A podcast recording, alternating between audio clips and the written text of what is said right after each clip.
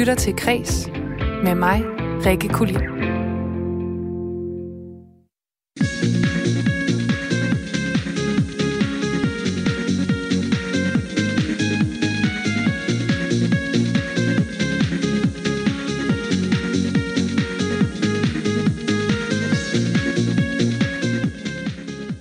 Det her, det er en øh, festlig lyd, og hvis man øh, kan huske tilbage til det herrens år 2001, så kan man huske, at det altså var lyden på og til det legendariske reality- og overvågningsprogram, nemlig Big Brother. For Kreds i dag handler nemlig om overvågning.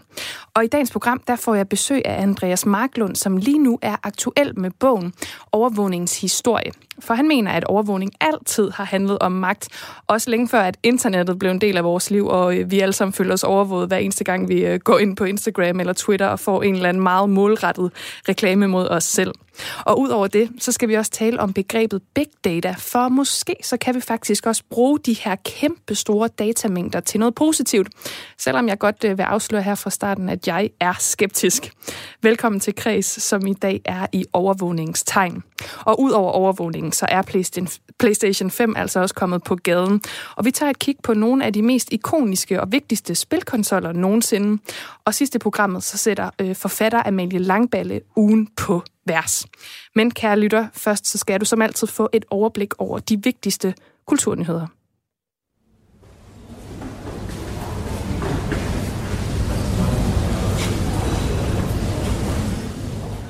Kære lytter, vil du øh, med en tur på museum, så er der i hvert fald god plads på landets mange forskellige af slagsen. For de danske museer, de er ramt af et fald i antal af gæster. Det er meldingen fra Organisationen for Danske Museer, hvor man altså vurderer, at museerne lige nu i øjeblikket, altså over en, øh, en bred kamp, oplever en nedgang i besøgstallet på mellem 30 og 50 procent sammenlignet med antallet af folk, der altså besøgte museet i øh, samme periode sidste år. Og det er jo noget af et fald, også fordi det kommer efter en sommer, hvor mange museer de faktisk fik besøg af flere gæster end normalt, hvilket er øh, eksperter blevet kædet sammen med halv pris på entréen som følge af den her politiske hjælpepakke, som populært set blev kaldt sommerpakken. Vi ved ikke noget eksakt om, hvor stor en indflydelse det har, at forsamlingsforbuddet er blevet sænket, og gæsterne eksempelvis skal bære mundbind på museerne. Men vi ved, at alle gruppebesøgende er væk, og når vi får at vide, at vi skal begrænse sociale kontakter, kan man sagtens forestille sig, at det også kommer til at gå ud over kulturbesøg i mindre grupper. Og det siger altså øh, Niels M. Jensen, som er direktør for den her organisation af Danske Museer. Og jeg har jo opfordret dig før, kære lytter, til at gå ud og støtte kultur, kulturlivet, især biograferne.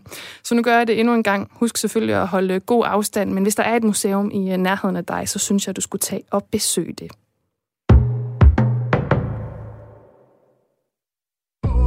this house. There's some whores in this house. There's some whores in this house. There's some whores in this house. I said certified free. Seven days a week.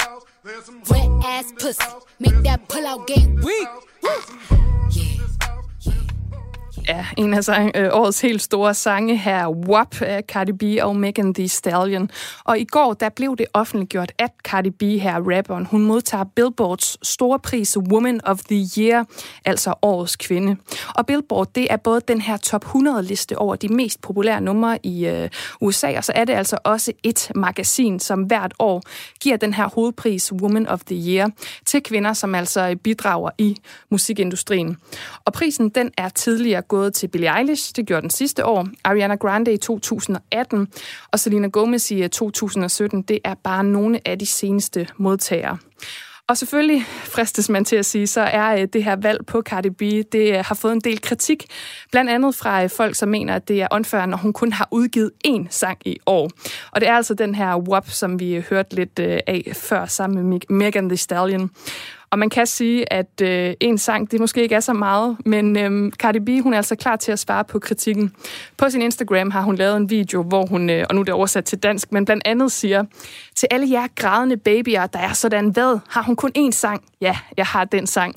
Du ved, den der, der har solgt mest, den der, der har streamet mest, den, der har fået republikanere på Fox News til at græde over den, den, der går seks gange platin om et par måneder. Og i den her video, der fremhæver Cardi B netop den politiske indsats op til det amerikanske valg, som altså også var en af Billboards grunde til at give hende den her pris som årets kvinde. Og vi fortsætter med lidt mere hæder. Der er også noget andet, vi skal passe på at værne om. Og det er ordet. Særligt det frie ord. Ja, sådan lød det i går, da Sara Omar endelig kunne blive hedret for at have vundet de gyldne laverbær 2019. For i januar 2020, og det er altså noget, som jamen det føles nærmest som et helt årti siden, der blev Sara øh, øh, Omar kåret som vinder af de gyldne laverbær 2019. Men på grund af corona og alle de restriktioner, det har ført med, så var den her traditionelle middag, man holder, hvor vinderen holder tale, den var altså erstattet af en prisoverrækkelse. Og med den her pris, der følger en donation fra JP Politikens Hus på 250.000 kroner. Og som du hørte før, så kunne øh, Saumar altså bruge sin takketale ved den her ceremoni til at slå et slag for det frie ord. For især i hendes tilfælde, der er det jo også øh, det at skrive en kamp for frihed. Og blandt andet så, øh, så sagde hun mange års kamp for ytringsfrihed. Trods mange modige forfatteres bestræbelser på oplysning med litteratur, så er ordet og den frie mening stadig troet. Og med, der fulgte altså den her donation på de 250.000 kroner. Og dem, dem kunne Sara Omar vælge at give til en øh, organisation efter eget valg. Og hun valgte Børns Vilkår, nærmere bestemt børnetelefonen, som modtager af den her kvarte million. In einem System der Angst. Georg Dreimann, der Dichter. Für ihn ist die DDR das schönste Land der Welt. Ich will ihn überwachen lassen. Darf sich niemand sicher fühlen. Wenn Sie gegen den was finden, dann haben Sie einen ganz dicken Freund im ZK. In einem System der Macht ist nichts privat. Det her, det var et øh, klip fra den tyske film Das Leben der Anderen, på dansk De Andres Liv, som handler om blandt andet overvågning i DDR. For nu skal det altså handle om dagens tema her i Kreds, som er overvågning. Og med til at tale om det, der har vi øh, Andreas Marklund. Velkommen til. Tusind tak. Du er jo forfatter til øh, den her bog, som jeg står med i hånden, Overvågningens Historie. Så er du også historiker og forskningschef på øh, Enigma, som er Museum for Post, Tele og Kommunikation i København. Yep. Vi står jo her, eller jeg står her med bogen. Du har faktisk også et, øh, et eksemplar.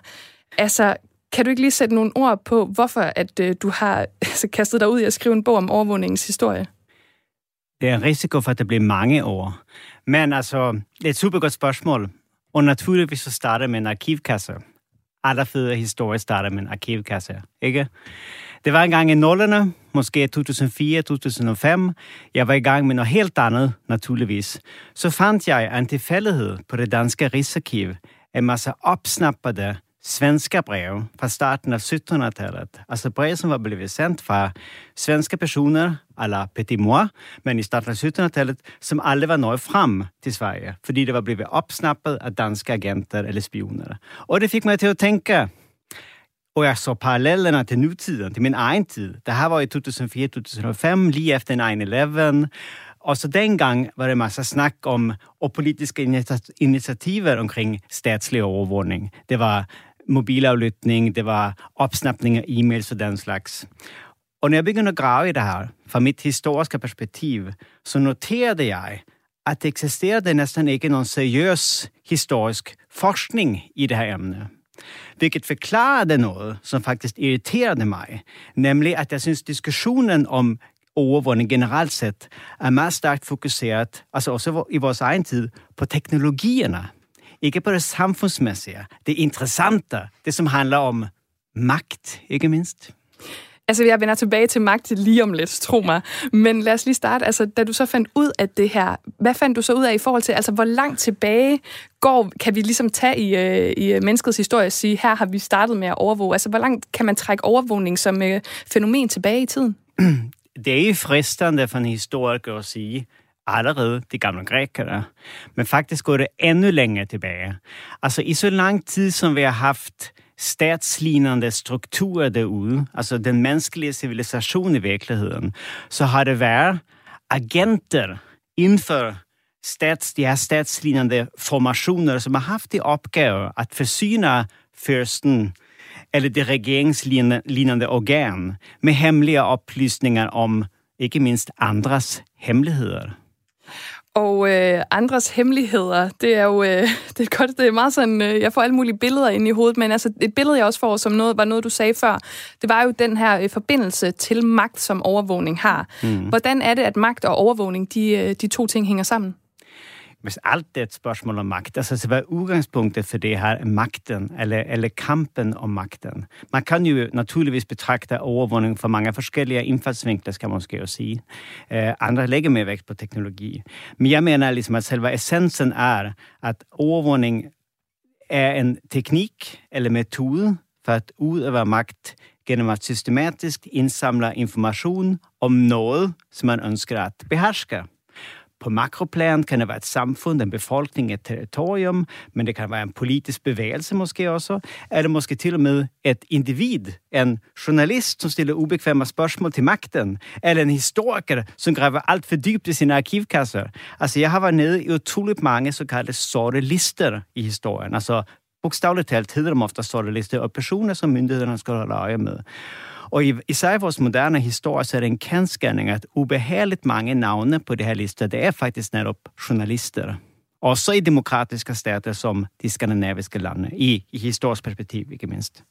Og du har jo gravet lidt i den uh, historiske arkivkasse, som du så pænt formulerede det. Vi skal jo faktisk se på tre konkrete eksempler fra bogen. Og først mm. skal vi tilbage til uh, jamen, hemmelige brevåbninger og brevspioner. Og vi har uh, på side 18 i bogen, og du har faktisk, nu tager den lige hånden her. Ja. du har taget et billede med, som også er i bogen, men som jeg står med i hånden nu. Altså, hvad er det her, at det forestiller det her billede, og hvorfor er det interessant i den her sammenhæng? Ja, jeg har taget lejthed med i radioen. men... Jamen, det er et billede af, af staten i dens, dens fulde magt og pragt. Det er et portræt fra starten af 1600-tallet af den engelske jomfrudronning Elizabeth den første. Og hun poserer i en meget smuk råbe eller kjole, som er fuldstændig dækket i øjne og ører og halvlukkede munde. Og ja, ja, men det er fuldstændig rigtigt. Altså, det, er sådan, det blev nærmest helt surrealistisk, det her med de her øjne og ører og munden. Men hvad er det, de skal symbolisere? Hvordan hænger de sammen med, med hendes magt og med overvågning på det her tidspunkt?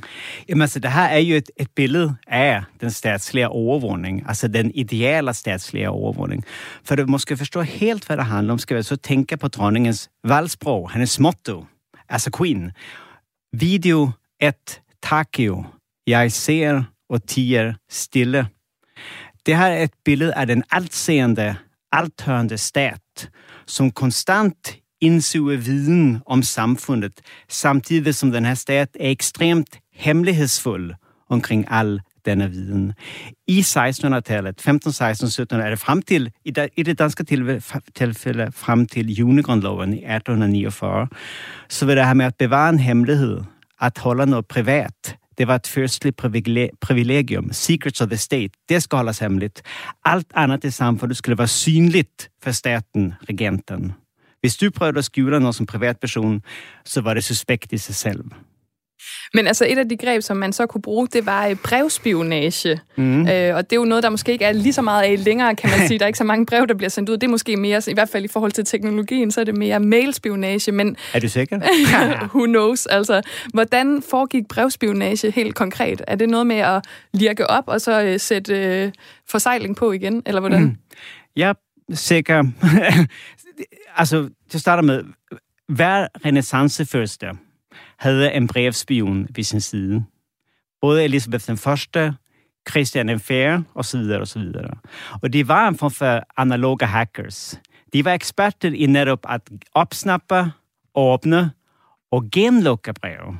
Altså enhver, jeg vil sige enhver idiot, men det lyder dumt, men altså alle kan jo åbne et brev ved at ødelægge det postspionerna, brevspionerna, de var mer raffinerade i sin tillgång till det. De dampade för exempel upp brev. Alltså man kunde, de här brev i den tidiga moderna perioden, det var ju plomberat med vox, med, med smuka segl på. Det de kunde göra var att de måske brugte ett lys eller en, upp, en uppvärmd øh, kniv eller, eller damp för kogande vatten till att blöda upp plomberingen. På den måten kunde de öppna det utan att man kunde märka det och så kunde de locka det igen med ett förfalskat brevsejl. Och så kunde de också kryptera, dekryptera kryptera kommunikation. För själv vid 1500-talet och 1600-talet så var det almindeligt att folk, folk in the know, de visste att det var overvågning over det hele. Så man krypterade hemliga beskrivare. Det er fedt, eller jeg ved ikke, om jeg vil sige, det er fedt, men sådan analog kryptering, det er i hvert fald, øh, ja. ja, det er meget an- analog, som tænker jeg. Meget analog, ja, og analog brevhacking. Og så skal vi lidt øh, frem, fordi vi skal op til det, der hedder øh, massevågnings tilblivelse. Og i bogen, der på, er der et billede på side 115, som, øhm, ja, vil du måske ikke beskrive, hvad det er, det her billede, det forestiller? Ja, det er et, øh, et verdenskort øh, fra perioden lige inden Første verdenskrig, altså det vi kalder for La Belle Époque, den smukke periode inden verdenskrigen kom. Øh, og vi ser også vi ser et verdenskort med nogle fede telegrafkabler på, undervandskabler, som går ud over hele verden, men som har UK, Storbritannien, med tydeligt placeret i midten. Og Storbritannien var i den tids kommunikationsteknologiska supermakt. Hun brugte de her kommunikationsteknologiska monopol til at udøve global magt ved hjælp af overvågning. På to forskellige måder, hvis jeg må nævne det to hovedvarer, som er helt centrala for at forstå masseovervågningen i vores moderne historie, altså fra 1914 og frem. Et, censur. Cable censorship snakkede man om. Man overvåger for eksempel informationsstrømmer i et kabel for at undgå transmittering af uønsket farlig suspekt information. To, man indhenter information. Det är den andra huvudformen. Alltså en form för högteknologisk spionage i verkligheten. Eh, superhemligt, hvor du bruger de her informationsstrømmer til at fiske op interessante efterretninger, som du kan bruge politisk eller strategisk, eller hvad det nu kan være. Altså hvor du for eksempel lytter til fjenden, der kommunikerer noget til hinanden, og så opsnapper du en meddelelse i det?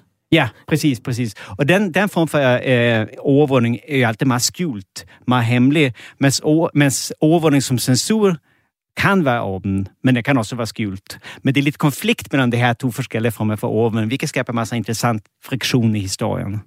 Og så startede du jo det hele med at sige, at mange de ser øh, overvågning måske meget i et nutidigt perspektiv og meget et teknologisk perspektiv. Og det gør vi også lidt nu, fordi vi springer altså frem til øh, 2018, til ja. den her skandale, der var med Facebook og Cambridge Analytica. Altså, der har jo været en del overvågningsskandaler, også bare på det sidste i forhold til amerikansk spionage af, af et lille Danmark her. Men den her skandale fra 2018, hvad var det, der skete her, og hvad betød det? Det var en ny form for overvågningsskandale i det at hovedaktören faktisk var privat, en privat virksomhed.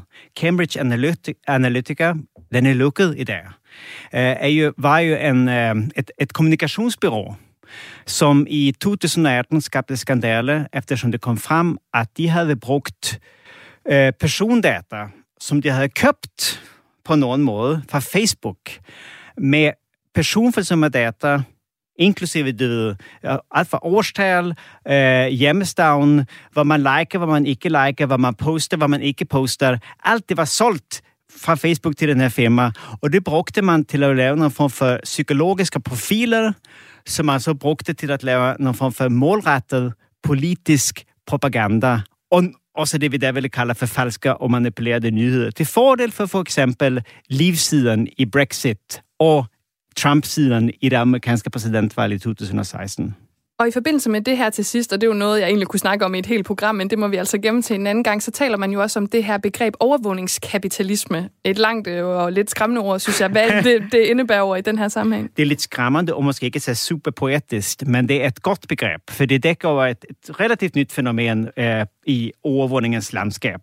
Øh, det er nemlig overvågning eller det er en forretningsmodel, en form for forretningsmodel, som har opstået i den, under den digitale tidsalder, øh, hvor forskellige former for virksomheder med Facebook og Google i spidsen bruger de her data, som vores digitale kommunikationsteknologier konstant lækker om os, til at trade med, til at lave business. Ja, men det viser, altså, det her, det var jo bare et lille indblik i overvågningshistorie, men hvis man har lyst til at vide mere her, så kan man altså læse den her bog af, uh, nu er jeg ved at kaste noget på gulvet her, af Andreas Marklund, Overvågningshistorie. Og jeg giver dig lige et billede tilbage igen af tak. dronningen fra 1600-tallet. Tusind tak, fordi du var med. Tak for invitationen. Og senere i programmet, der øh, går vi altså lidt dybere ned i det her med overvågning, for der skal det handle om begrebet big data. For måske så kan overvågning af store mængder af data også noget positivt. For eksempel i øh, forhold til kortlægning af DNA eller de grønne områder, vi har i verden. Ja, jeg er stadig skeptisk, men det kigger vi altså på senere i programmet. Du lytter til Kres med mig, Rikke Kulin.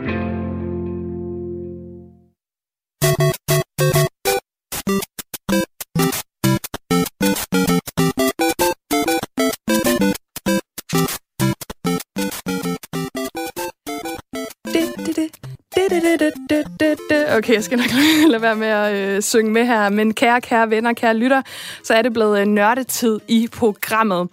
Og det er faktisk lidt tavligt, at jeg her spiller øh, kendingsmelodien til Super Mario Bros., for den er altså lavet af Nintendo, og de er store konkurrenter til Sony. Og det er Sony, det skal handle om lige nu, i hvert fald i starten, for syv års ventetid er over. I dag der er den nye Sony PlayStation 5 kommet på gaden, og øhm, der har jeg altså en gæst med, som om nogen ved, hvor stor en dag det er, for det er Christoffer Leo, journalist og anmelder i Troldspejlet og Co. på DR2. Velkommen til Kreds, Christoffer. Tusind tak skal du have. Altså, nu startede jeg jo lige med at øh, spille lidt for konkurrenten her, så jeg bliver nødt til at spørge dig, er du en Nintendo eller en, en Sony-mand?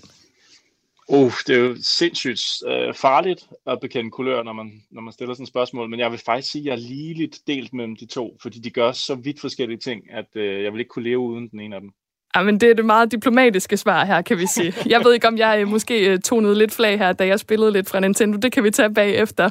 Men ja. altså, på en skala fra 1 til 10 i gamermiljøet, hvor stor er sådan en dag som i dag, hvor øh, PlayStation 5 kommer på gaden? Altså i gamermiljøet, der er det her jo kæmpestort. Altså både for dem, som elsker Playstation, men også for alle andre, som elsker Xbox eller Nintendo, fordi alle har ligesom øjnene på en konsol som den her, for at finde ud af, hvor er fremtiden i øh, konsollerne. Det, det viser sig jo meget nu, hvor vi får de her nye maskiner med nye kræfter. Altså, der er jo ikke øh, så mange nu, der har fået mulighed for at teste den her nye spilkonsol, og det har du jo faktisk heller ikke. Og det skal heller ikke handle så meget øh, om den lige nu. Jeg er sikker på, at altså, jeg har lige hørt lige Firtoget, der sendte før os, at de også snakkede om med PlayStation 5, så der er masser af fokus på det. Men som den mm. faste lytter ved, så er jeg nemlig, og det kunne man altså høre lige før, lidt af en nostalgiker. Og derfor så skal vi to altså tilbage i tiden, fordi du har simpelthen påtaget dig opgaven at lave en liste over tre vendepunkter i uh, spilkonsollernes historie. Og så selvfølgelig ja. til sidst, som vores ekspert vurderer sandsynligheden for, at den, uh, om den nye PlayStation den, uh, bliver endnu et vendepunkt. Men øhm, lad os kaste os ud i, øh, i den første øh, ikoniske spilkonsol. Ja, øh, altså det, det, det er virkelig sådan meget noget, man kan diskutere lang tid jo. Altså, hvornår man ligesom skal starte, hvad er det største vendepunkt til at starte med. Men jeg vil mene personligt, at det er Nintendos første store konsol, øh, Famicom hed den i Japan, eller Nintendo Entertainment System kender man den som herovre i Europa og USA.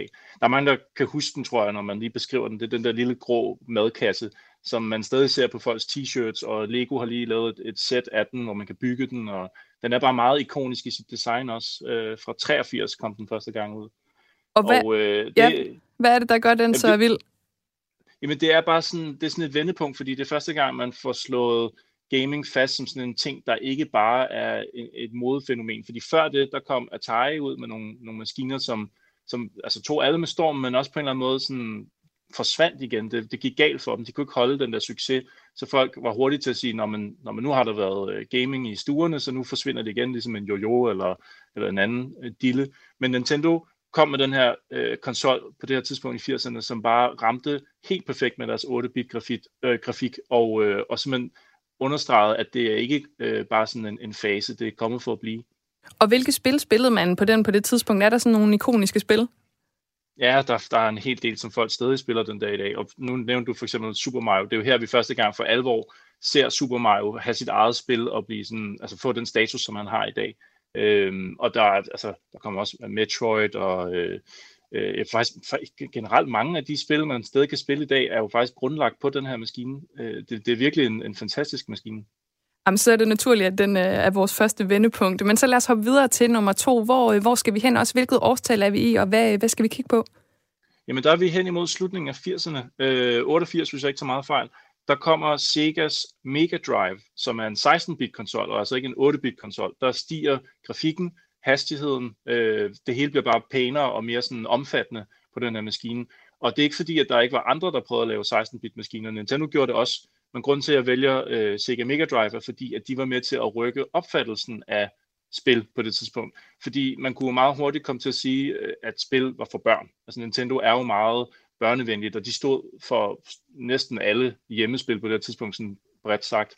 Øh, men Sega mente, at der også var et marked for de store børn og de unge voksne, så de vil gerne gøre det cool og hipt. De vil gerne øh, introducere for eksempel Sonic the Hedgehog, som jeg tror mange kender, som er sådan lidt mere sådan en, en flabet figur, end Mario er. Men altså, nu nævnte du jo før, at øh, Nintendo's Entertainment System Famicom her, det var sådan en, en designmæssigt sådan en grå madkasse, og mange kan nok huske den. Sega Mega Drive, hvordan, øh, hvordan så den ud? Jamen, den var sådan lidt mere som en sportsvogn, sådan sort og, og sådan med bløde hjørner, og jamen, den var bare, den, den var bare cool på en eller anden måde, og det var også det, de gik efter jo. Og, og, og grund til, at jeg også sådan ligesom understreger dem, det er jo fordi, at jeg tror, at vi skal være rigtig glade for, at den kom på det tidspunkt her, fordi ellers havde vi nok ikke fået en PlayStation 5 i dag for, for voksne, altså for den målgruppe, fordi det kunne jo være, at gaming var blevet ved med at være for, for de små, altså for, for børn og, og unge, øh, men, men sikkert var rigtig gode til ligesom at få hævet øh, aldersgruppen, øh, så, så vi ikke sådan den dag i dag forbinder det med børn, men man faktisk tog det lidt mere alvorligt på en eller anden måde, kan man sige det sådan? Ja, altså det synes jeg også det her med, at øh, det er faktisk et meget godt øh, sådan videreførsel til vores øh, sidste punkt her, fordi du nævner, at nu er det ligesom blevet slået fast, at øh, spilkonsoller, de kan altså også være for voksne. Og det er den sidste, du har taget med i dag, der øh, ved jeg også, at man øh, vil kalde den en voksen konsol. Hvad er det, vi skal øh, kigge på nu her i 90'erne?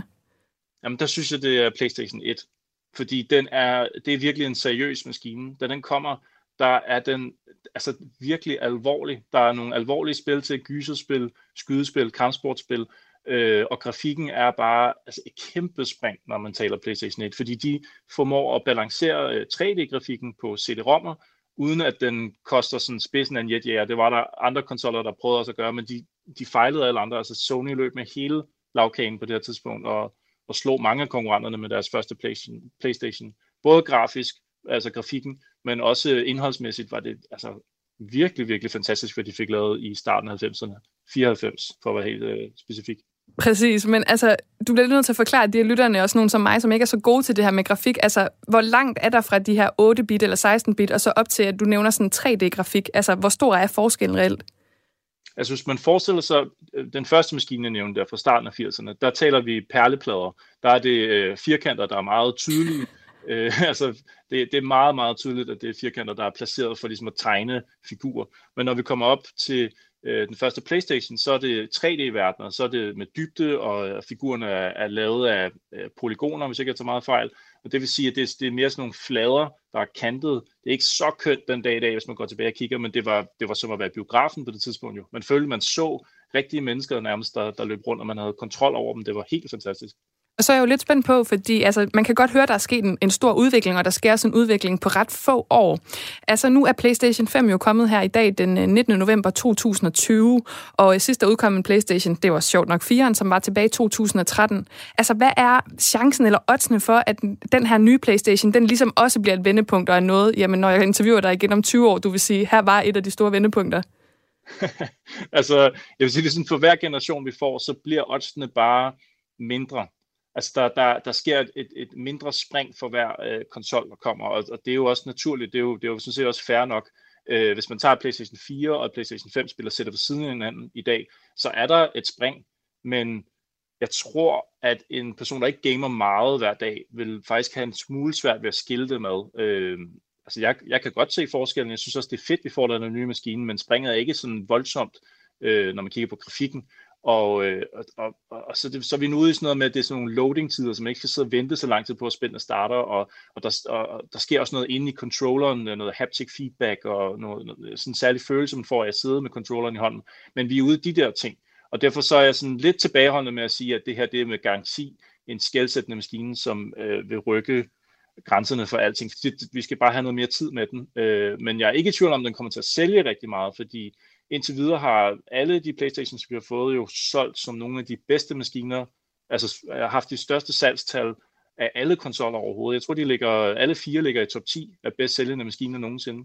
Ja, okay. Men altså, jeg må bare sige, nostalgikeren i mig kommer op, for du nævner det her med, at der nærmest ikke er sådan loading-tider mere. Det er jo også noget af det, der er sådan, synes jeg er charmen, at man lige sidder og venter og lige drikker noget cola. Altså, lige tager det roligt, inden man går i gang. Jeg ved ikke, hvordan har du det med det? Altså, er du ikke også nostalgiker? Jeg ved, du, du samler jo på, øhm, altså på en del af de her konsoller. Hvor mange af de her konsoller, ja. du har nævnt, har du i dit hjem?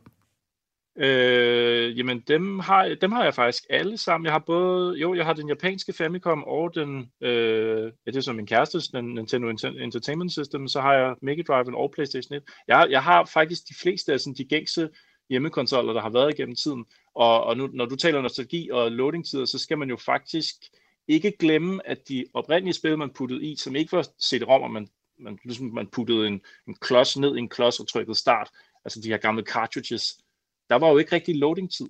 CD-rommer er der, hvor man for alvor får den lange loading-tid. Og nu er vi faktisk bare ved sådan, at have fundet en teknologi, hvor vi kan putte en CD-rom i, og så få fjernet den loading-tid øh, med harddisken, en SSD-harddisk, der er hurtigere. Øh, så på en eller anden måde, det, altså hvis man skal være sådan helt firkantet, så er det lidt nostalgisk at være tilbage til ingen loading-tider. Det er faktisk rigtigt. Det er en god pointe. Men jeg har også lige fået en besked her på sms'en. Jeg ved ikke, om du kan svare på den, Kristoffer, men Frederik han spørger, hvad med virtual reality? Er det ikke PS5, der øh, kan få den oplevelse med hjem i stuen? Jo, vi går alle sammen og håber på, at virtual reality, altså på alle platformer, PC og hvem end der ligesom kan løse den 100%, at det, at det tager fart, sådan, som man havde håbet på.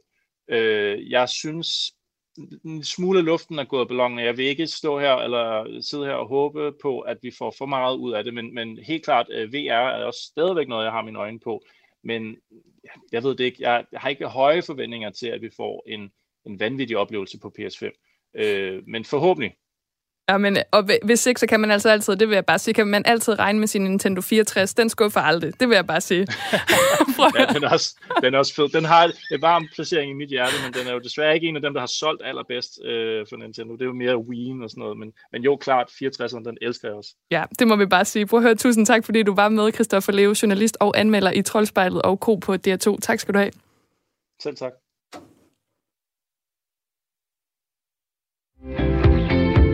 Du lytter til Kres med mig, Rikke Kulin.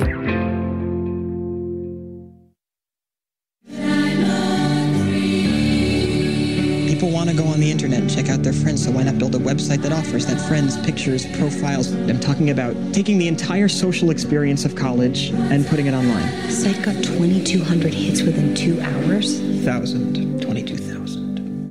Ja, her var det en bid fra uh, The Social Network, altså filmen om, hvordan Mark Zuckerberg han egentlig fik sat gang i Facebook og fjernede The fra The Facebook. Og det hørte vi altså, fordi vi i dag taler om uh, forskellige former for overvågning og indsamling af uh, store datamængder. Og det er jo noget, vi meget, meget, meget, meget, meget har fokus på i de her år, taler om i forhold til sociale medier. Og nu skal det handle om det, man så kalder big data, eller big data. Velkommen til dig, Mads Timmer, CEO i Innovation Lab, hvor I arbejder med det her begreb. Hej. Hej. Altså, jeg tror, du er noget bedre til at forklare det her end øh, mig. Kan du ikke lige øh, forklare ordentligt, hvad er big data? Nej, men jeg synes ellers, det er meget interessant at høre alle mulige øh, forklaringer på det, men, men min egen er nok lidt, at øh, jeg prøver at oversætte det til meget viden. Øh, fordi øh, det er jo i virkeligheden øh, informationer, som er gemt som viden, øh, øh, der udgør big data. Og det har jo en lang, lang historik. Øh, vi vi øh, forbinder det meget med ny teknologi, og i, i senere tid også med overvågning, men det, det er jo i virkeligheden helt tilbage til encyklopædierne i øh, Frankrig, og endnu længere tilbage til, da man ikke engang havde bøger, man havde viden, man stablede sammen som mærkværdige genstande i et wunderkammer. Øh, helt op til i dag, hvor du så har øh, big data, som de her øh, kæmpe store datamængder, som alle dybest set er en lille bitte smule afhængig af, hvis de er en virksomhed og gerne vil optimere deres forretning. Og øh, ja, man kan sige, at det har faktisk ikke nogen dansk oversættelse ud over big data. Det er derfor, jeg går sådan lidt internationalt på det og siger big data. Men ja. bare lige for at forstå, forstå det, så dækker det ligesom over, for du nævner at det går langt tilbage, også før vi har al den teknologi, vi har nu, at det ligesom på en eller anden måde er en øh, fortolkning af enorme mængder af data, hvad den data så end dækker over. Er det rigtigt forstået? Ja, det kan du godt sige. Man kan også øh, vente om og så sige, at øh, i dag der taler vi faktisk ikke helt så meget om, øh, om big data, øh, så meget som vi taler om øh, kunstig intelligens, fordi vi har simpelthen så uendelige øh, mængder data øh, til rådighed, så det er ikke længere øh, problemet at, at få, de her, få adgang til, til de her mængder data. Det er mere et problem at finde ud af, hvad vi skal bruge dem til, og, og og hvordan vi skal tolke på dem. Og der bruger man øh, kunstig intelligens som en form for filter eller sådan en loop, øh, når vi skal kigge ind i de her enorme datamængder. Altså alene i de sidste to år er der jo blevet øh, genereret 90 procent af al data, der findes øh, i verden, og det bliver bare ved med at stige eksplosivt. Jamen det er, altså, det er noget, der virkelig er kommet fokus på. Jeg vil ikke sige, at jeg var first mover eller sådan først på det her, men jeg kan huske, at jeg havde en kæreste tilbage i 2013, som var meget optaget af big data, og jeg prøvede ligesom at sådan, kan du give mig nogle konkrete eksempler på det? Og jeg er sikker på, at du kan gøre det bedre, end han kunne, så lad os tage nogle konkrete eksempler på, hvordan man kan bruge big data i dag. Ja, altså, så længe vi holder os til dem. Ja. ja, lige præcis. Altså, vi har jo tidligere talt om brevspionage her øh, i programmet, det talte jeg om lidt tidligere. Ja. Og det første eksempel, du har taget med, det handler også om øh, breve og kryptering. Altså, hvad går det ud på? Jo, men altså, der er jo, øh, hvis du gerne vil øh, vide, hvad krypterede breve indeholder, jamen, så skal du faktisk have adgang til en masse, øh, masse data, som du kan, du kan lave en referenceramme til. Øh, og nogle af de første eksempler øh, stammer jo, altså, altså du kan gå langt tilbage, men øh, øh, et eksempel, som jeg lige umiddelbart kan komme i tanke om, er øh, fra 2. verdenskrig, øh, hvor øh, Tyskland sendte et brev til Mexico øh, og prøvede at lokke dem med ind i krigen. Øh, Øh, og det blev så opsnappet øh, af USA, og de hæftede sig ved, at Mexico fik, øh, fik lovet, at de kunne indtage nogle, øh, nogle sydstater mod at engagere sig på tyskernes side. Og det gjorde så, at amerikanerne kastede sig ind i, øh, i krigen. Og det kunne de kun, fordi de havde adgang til de her massive øh, datamængder. Så de kunne afkryptere beskeden, og de kunne altså øh, simulere øh, forskellige øh, øh måder at, at bryde koden på på samme tid. Og det var nogle, en af de første øh, anvendelsesformer øh, af øh, computer, og, og faktisk var det jo øh, nogle af de samme folk, der sad og arbejdede på A-bomben, som også øh, lavede den, øh, den første computer. Det var faktisk deres fritidsprojekt. Det var de ikke engang øh, blevet bedt om, men de sad i deres fritid, den sparsomme fritid, de nogle gange havde, øh, når de nu engang skulle være sammen om det her projekt, så, så fik de tiden til at gå med at lege lidt med at, at lave sådan verdens første computer. Det kan man sige, det er forholdsvis øh, to, to store og øh, verdensændrende opfindelser, de lykkedes med. Ja, det er derfor, man skal have lov til at have sine dumme hobbyer, fordi nogle gange så kommer der noget rimelig vigtigt ud af det, kan man sige. Det er måske næsten endnu vigtigere, at vi har fået øh, computeren end, øh, end, end A-bomben, som det, det var. Og så noget, altså noget lidt mere, øh, der gør mig lidt mere glad end at tænke på øh, atombomber. Det er et eksempel med World Forest Watch, altså øh, ja. hvad kan man sige, et kig over verdens træer. Altså hvad er det, det, det indebærer, det her begreb? Jo, altså det indebærer i virkeligheden, at øh, satellitdata øh, som form for skovovervågning øh, bliver uploadet på et site, og så kan man øh, gå ind på det site, og så kan man se, hvordan, øh, hvordan ser det ud med, med tilplantning og øh, skovning øh, lige nu på øh, global plan. Og øh, en ting er, at man kan, man kan føle det øh, diskriminerende at blive overvåget, men øh, det er måske øh, nogle gange en fordel at have mulighed for at overvåge nogle øh, sydamerikanske diktatorer, der er ved at, at, at fælde øh, millioner af hektar øh, regnskov, fordi øh, de kan se en, en forretningsmæssig gevinst i det, øh, som et af eksemplerne har været. Øh, og der vil man måske gerne have mulighed for at gå ind og lige sanktionere dem, eller sige, hov, det, det er sådan set noget, som vedrører os alle sammen, fordi det er produktion af ild til hele planeten, I er ved at, at lave et uh, indhug i. Men et er ligesom, tænker jeg, at man kan se det her, og der findes adgang til, at privatpersoner kan gå ind og, øh, og se på det.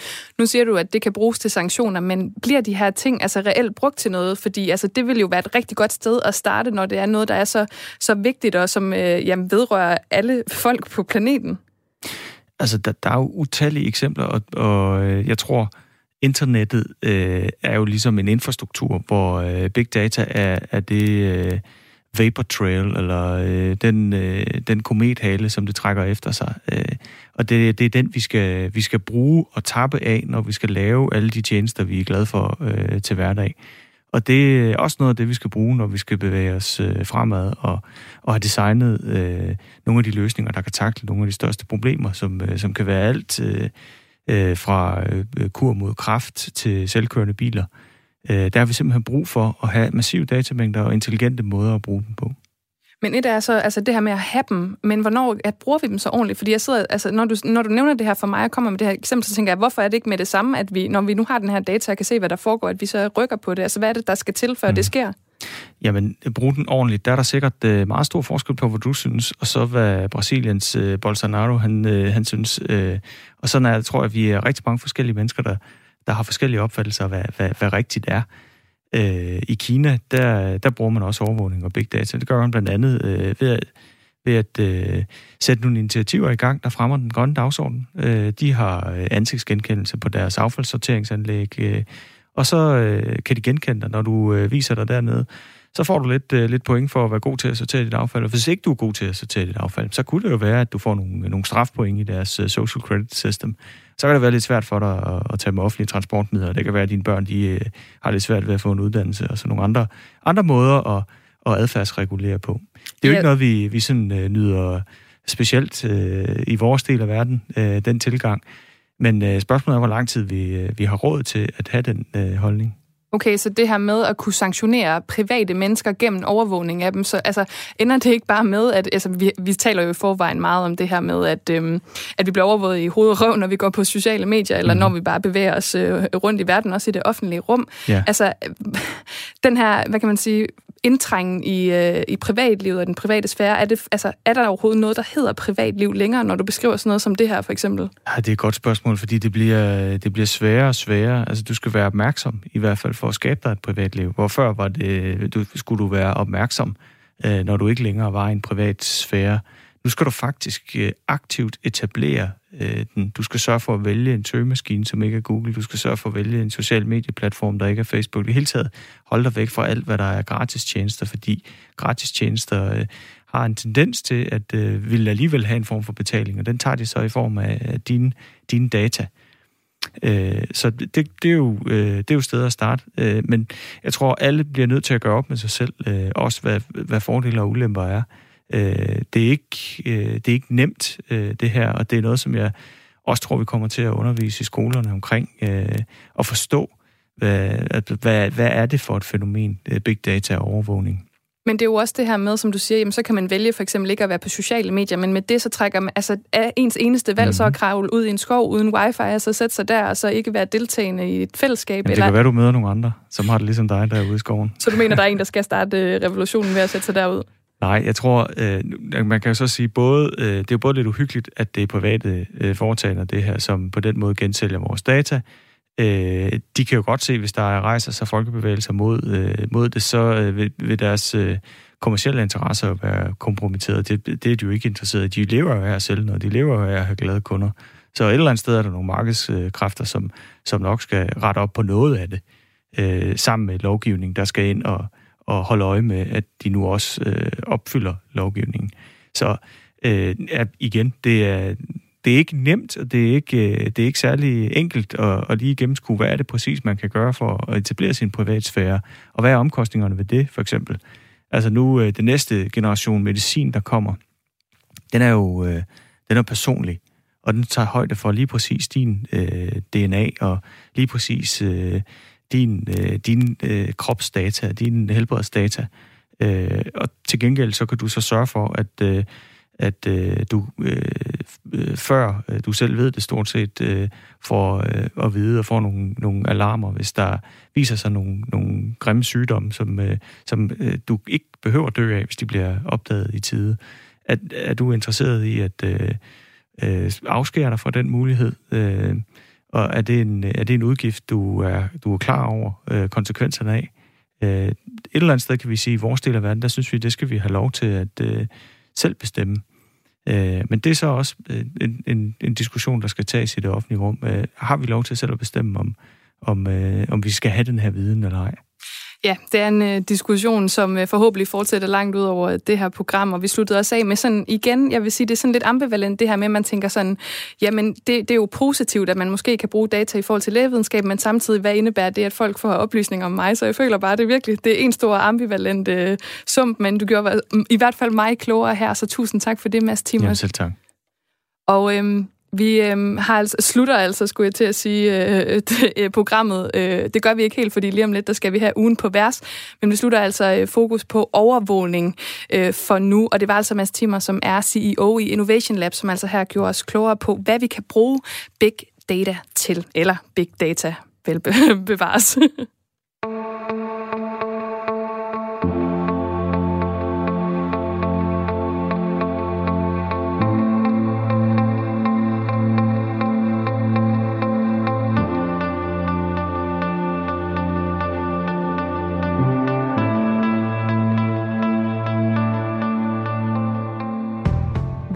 Hver eneste torsdag her på Kreds, så sætter danske poeter ugen på vers. Og det gør de ud fra en nyhed, som øh, har fyldt hos dem den seneste uge, og som er noget, de øh, har kastet sig over.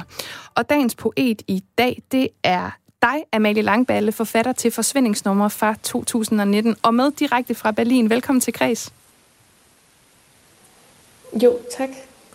Amalie, du øh, har jo øh, skrevet øh, en tekst til os, øh, men ud fra en nyhed, så jeg er jo lidt spændt på at høre, øh, hvilken nyhed du har valgt.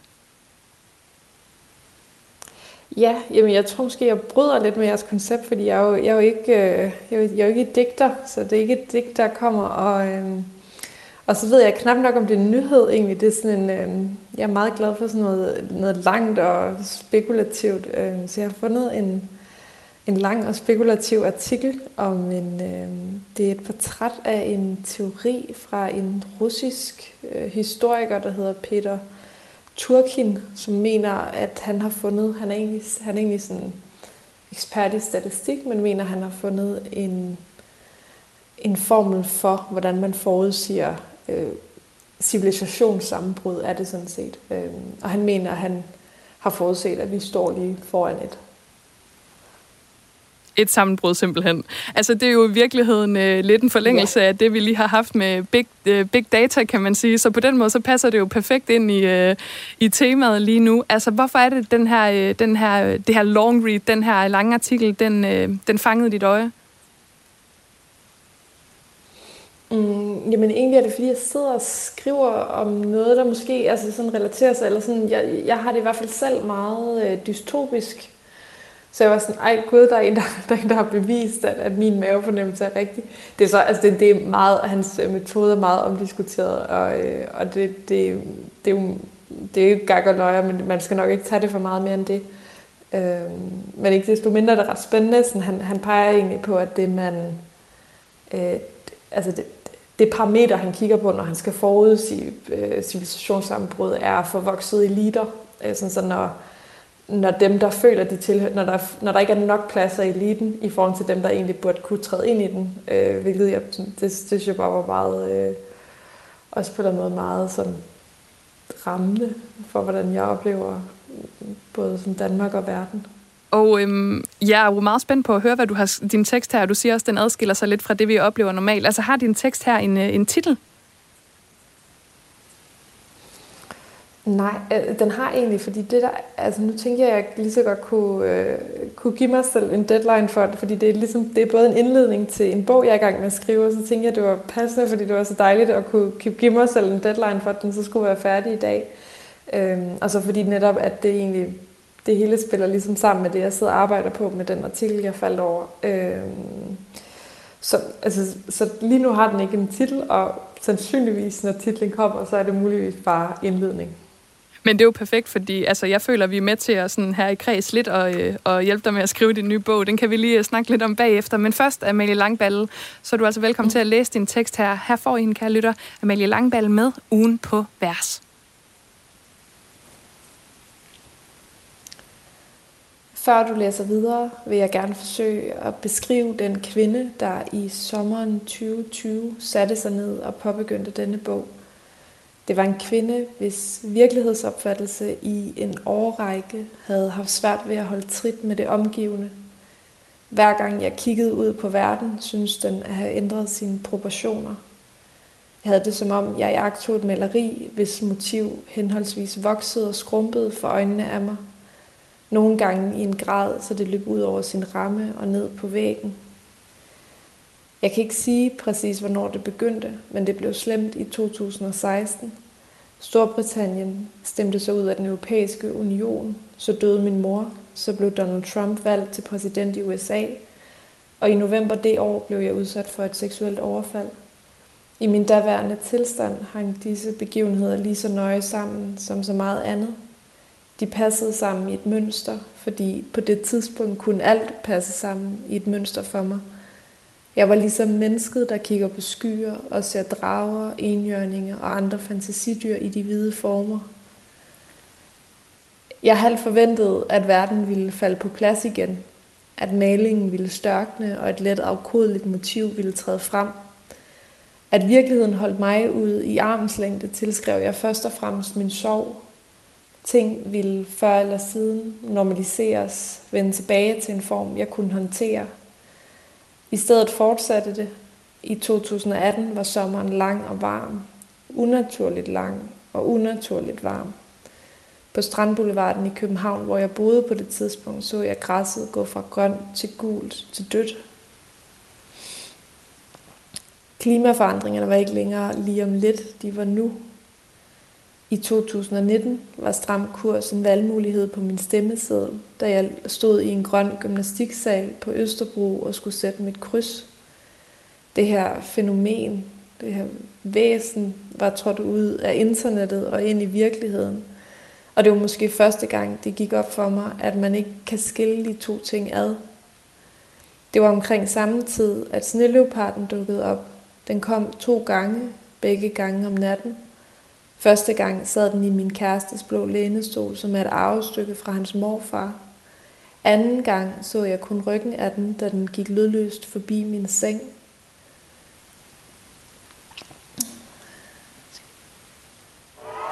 Efter snilleoparden stoppede jeg...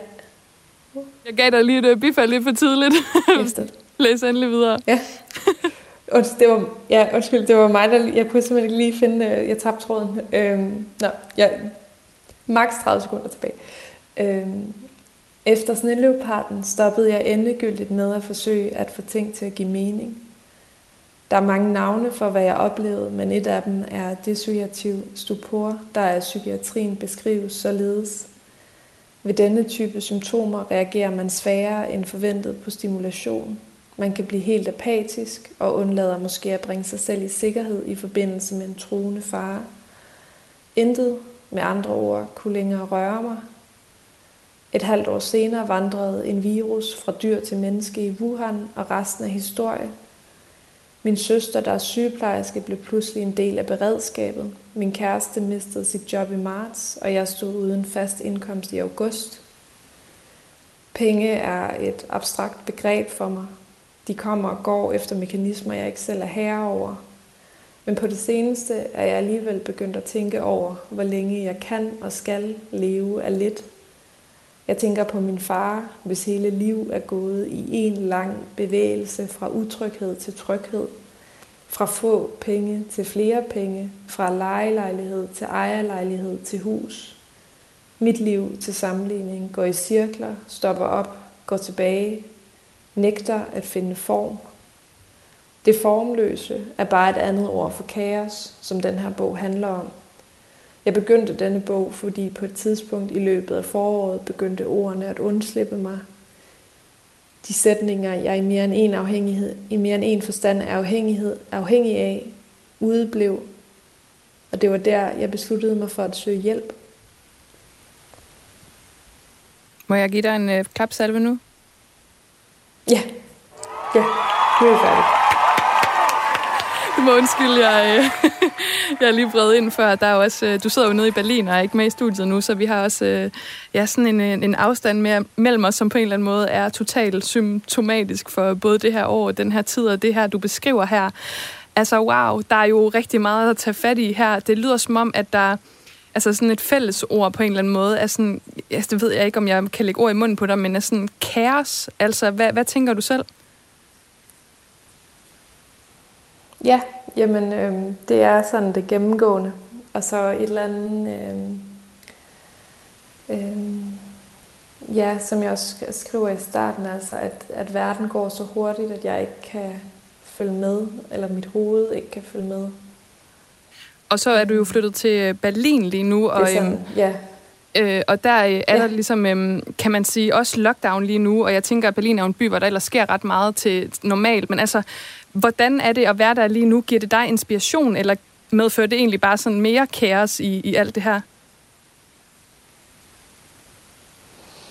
Mm. Ja, det, altså forhåbentlig kom, det er jo, øh, det skal blive spændende at se. Altså nu er jeg, jeg sidder, jeg sidder, jeg er lige flyttet, jeg sidder stadig i min øh, indrejsekarantæne. Øh, men må ikke der, kom, der både kommer, må ikke der både kommer ny inspiration og mere kaos. Altså det, det tror jeg nu, tror jeg efterhånden, at sådan, de sidste fem år har lært mig det. Ja, ja, det stopper aldrig nogensinde. Prøv at høre, Amalie Langbæl. Øh, Jeg glæder mig til, til den her bog, og jeg kan desværre ikke nå at spørge dig, hvad den, den handler om, men øh, vi inviterer dig tilbage i programmet, når øh, den er klar, og når der er tid til at tale om den. Jeg vil sige tusind tak, fordi du havde lyst til at bidrage til denne ugens ugen på vers. Tak for det. Mm. Jamen, tak for at spørge. Og kære lytter, jeg er simpelthen ved at være færdig for i dag. Det her program, det er drønet der ud af. Sådan er det, når man taler om ja, virkelig store tanker og store ting. Jeg er tilbage igen i morgen kl. 17.05 med et forhåbentlig veloplagt fredagspanel, og du skal altså blive hængende her på øh, kanalen her på Radio 4, for lige om lidt, der er William Eising i studiet til Stream and Chill med gode venner.